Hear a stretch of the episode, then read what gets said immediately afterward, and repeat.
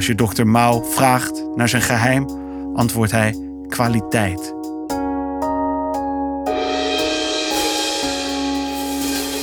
Menigeen in Rotterdam is alleen bereid met zijn partner te trouwen als Hendrina Veldhuizen hen in de echt verbindt.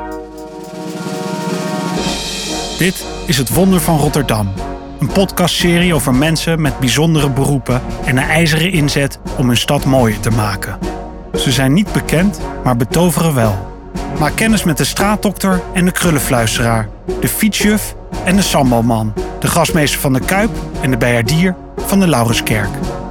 Mijn naam is Ernest van der Kwast en ik bezing de stad waarin ik woon, werk, droom en dans. Als Roze. De straat is zijn werkterrein. Dokter Mao heeft geen praktijk en geen wachtruimte. Drie dagen per week is hij buiten te vinden. Op donderdag, vrijdag en zaterdag. De rest van de week staat de dokter in de keuken en bereedt hij negen verschillende soorten sambal. In totaal 160 potjes die hij met een kar achter zijn fiets door de stad trekt.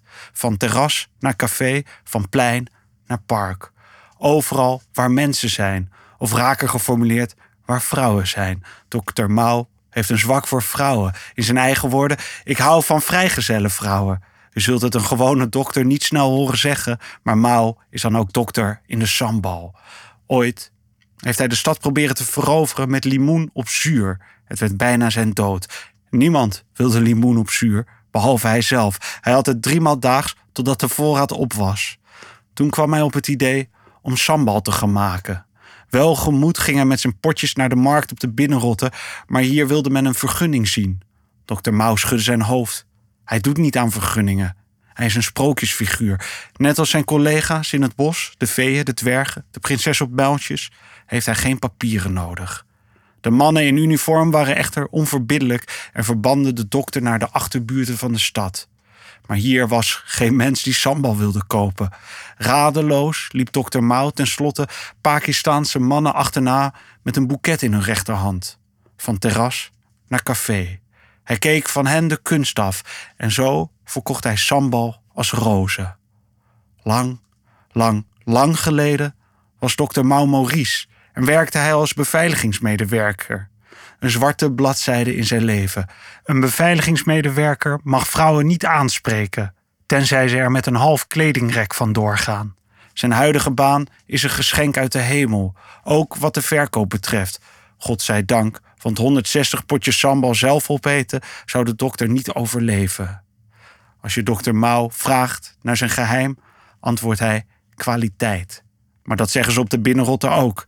Daarom laat hij de mensen proeven, zoveel ze willen. Pikante piccalilli, ketchup sambal, uiensambal, pirambi chutney. Op ieder potje past een deksel. En als mensen niet kunnen kiezen, zegt dokter Mao, dan koop je ze allemaal. Hij glimlacht zoals hij naar vrouwen lacht. Hij weet, op sommige potjes passen meerdere deksels. Vele deksels. Het wonder van Rotterdam. Ja, dokter Mouw. Iedere stad heeft zo zijn sprookjesfiguren. Ik weet nog dat in mijn jeugd... Uh, dat ik, uh, ik ging in de Ash naar school. En dat ik daar naartoe fietste. Dat ik vaak een man met ontbloot bovenlijf. In de zomer was dat dan. En dat hij op blote voeten balanceerde op de tramrails. Ik ken die man niet. Ik, ik, ik wist helemaal niks van hem. Maar dat beeld staat nog zo haarscherp voor me. En dat, ja, dat balanceren op, een, op de tramrails, op blote voeten. Dat is, ja, het heeft voor mij heeft een soort sprookjesachtige kwaliteit. Net als dat dokter Mouw met zijn karretje, met sambal, door de stad fietst. En hij wil geen vergunning, hij wil waarschijnlijk ook geen belasting afdragen. En dat, dat zijn dan maar gegund op die potjes uh, die hij verkoopt. Ik heb hem recent nog gezien. Uh, sprookjesfiguren blijven gelukkig leven. Uh, en hij, hij, heeft een, hij heeft nu een scooter dat hij, hij hoeft niet meer zo hard te fietsen. Hij is natuurlijk echt wel een dagje ouder geworden. Uh, maar hij gaat weer van de, hij gaat nog steeds van een café naar café, van plein naar plein. Ik heb zelf geproefd van, van de sambal. Want dat, dat, dat wil je natuurlijk wel als je erover gaat schrijven. En, ik weet nog dat ik van één, één potje proefde. En dat ik toen een hoestaanval kreeg. Dat, dat, dat, dat, dat ik echt even even wat rust nodig, moest had, uh, nodig had. Het was zo scherp. Ik ben wel wat gewend uit mijn, uit mijn Indiase opvoeding. Mijn moeder kookte ook altijd met, met rode pepers in het eten. Dr. Mouw. De volgende ode is voor uh, Hendrina Veldhuizen. Zij, is, uh, zij werkt op het stadhuis. Ze verbindt mensen in de echt.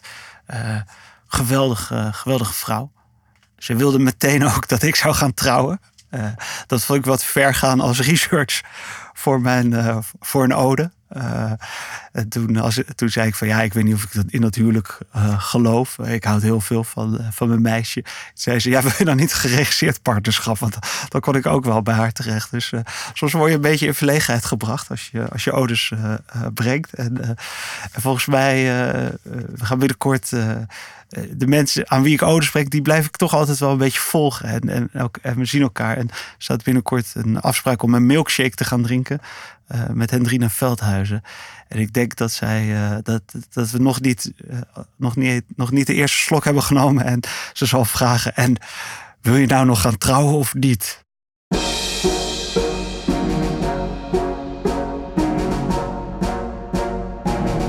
Het huwelijk.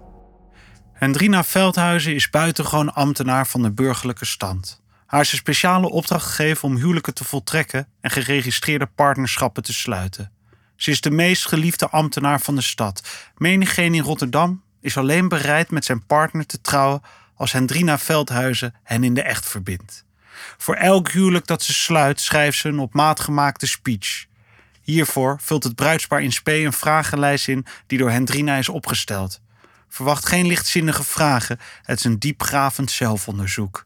De buitengewone ambtenaar vertelt mij dat een koppel ooit afzag van hun huwelijk na het invullen van de vragenlijst. Ze waren gaan nadenken en wisten niet meer waarom ze met elkaar wilden trouwen, zegt Hendrina. Maar meestal komt het goed. Ze leest geen wetsregels voor en laat niemand eeuwige trouw zweren. Wel stelt ze het bruidspaar in de gelegenheid om een persoonlijke belofte te doen. Het huwelijk is niet louter ceremonieel, zegt Hendrina stellig. Je kiest voor elkaar door een belofte in het openbaar te doen. Zelf probeert ze het bruidspaar altijd iets mee te geven. Ze sluit haar speech meestal af met een gedicht. Dat kunnen enkele regels van Rutger Kopland zijn, maar ook iets van Toon Hermans. Het is niet aan iedereen besteed. Schiet toch op, mens, riep iemand ooit uit de zaal. Ze moeten nog neuken. Hendrina Veldhuizen vindt het huwelijk het mooiste wat er is, maar het is niet enkel rozengeur en maneschijn. Ze vertelt over de keer dat ze een man voor zich had staan die net uit de gevangenis kwam. Zijn toekomstige vrouw had twee blauwe ogen. Of wat te denken van de bruidegom die aangaf veel liever met de getuigen te trouwen. Hendrina heeft alles een keer gezien. Een topless bruid, een bijna omgebouwde bruid, een bruid die op de dag van de huwelijksvoltrekking uitgerekend was, dan heb je nog de Marokkaanse bruid die tegen Hendrina zei: Ik heb geen zin om met die lul te trouwen, hij is nog lelijk ook. En natuurlijk de oma van 75 in een plastic pakje die trouwt met een Turk van 24. Die willen overigens geen speech en staan binnen 10 minuten weer buiten, tenminste als oma goed ter been is. Er zijn ambtenaren die homoseksuelen weigeren te huwen. Knettergek vindt Hendrina. Het is de laatste groep die ze zou weigeren te trouwen. Die mensen houden ontzettend veel van elkaar, zegt ze. Maar dat zeggen de oma en de Turk ook. Ik ben er niet om te toetsen, daar is de afdeling huwelijkszaken voor, antwoordt Hendrina. Maar soms heb ik inderdaad gewetensbezwaren. Er zijn wel grenzen. Ze zal nooit de man vergeten die ze thuis in de echt moest verbinden. Het huwelijk zou eerst op dinsdag plaatsvinden toen op maandag, maar de familie belde op zondag dat de bruidegom wazig was en dat ze zo snel mogelijk moest komen. Eenmaal gearriveerd werd ze door de bruid en haar familie direct naar de slaapkamer geleid, waar de toekomstige echtgenoot op bed lag. Die zegt geen ja meer, constateerde Hendrina meteen. De familie riep, maar dat had hij wel gedaan. Er volgde geen trouwakte, wel een overlijdensakte. Maar meestal komt het goed en leest Hendrina Veldhuizen haar speech voor, gevolgd door poëzie en een lang en gelukkig leven.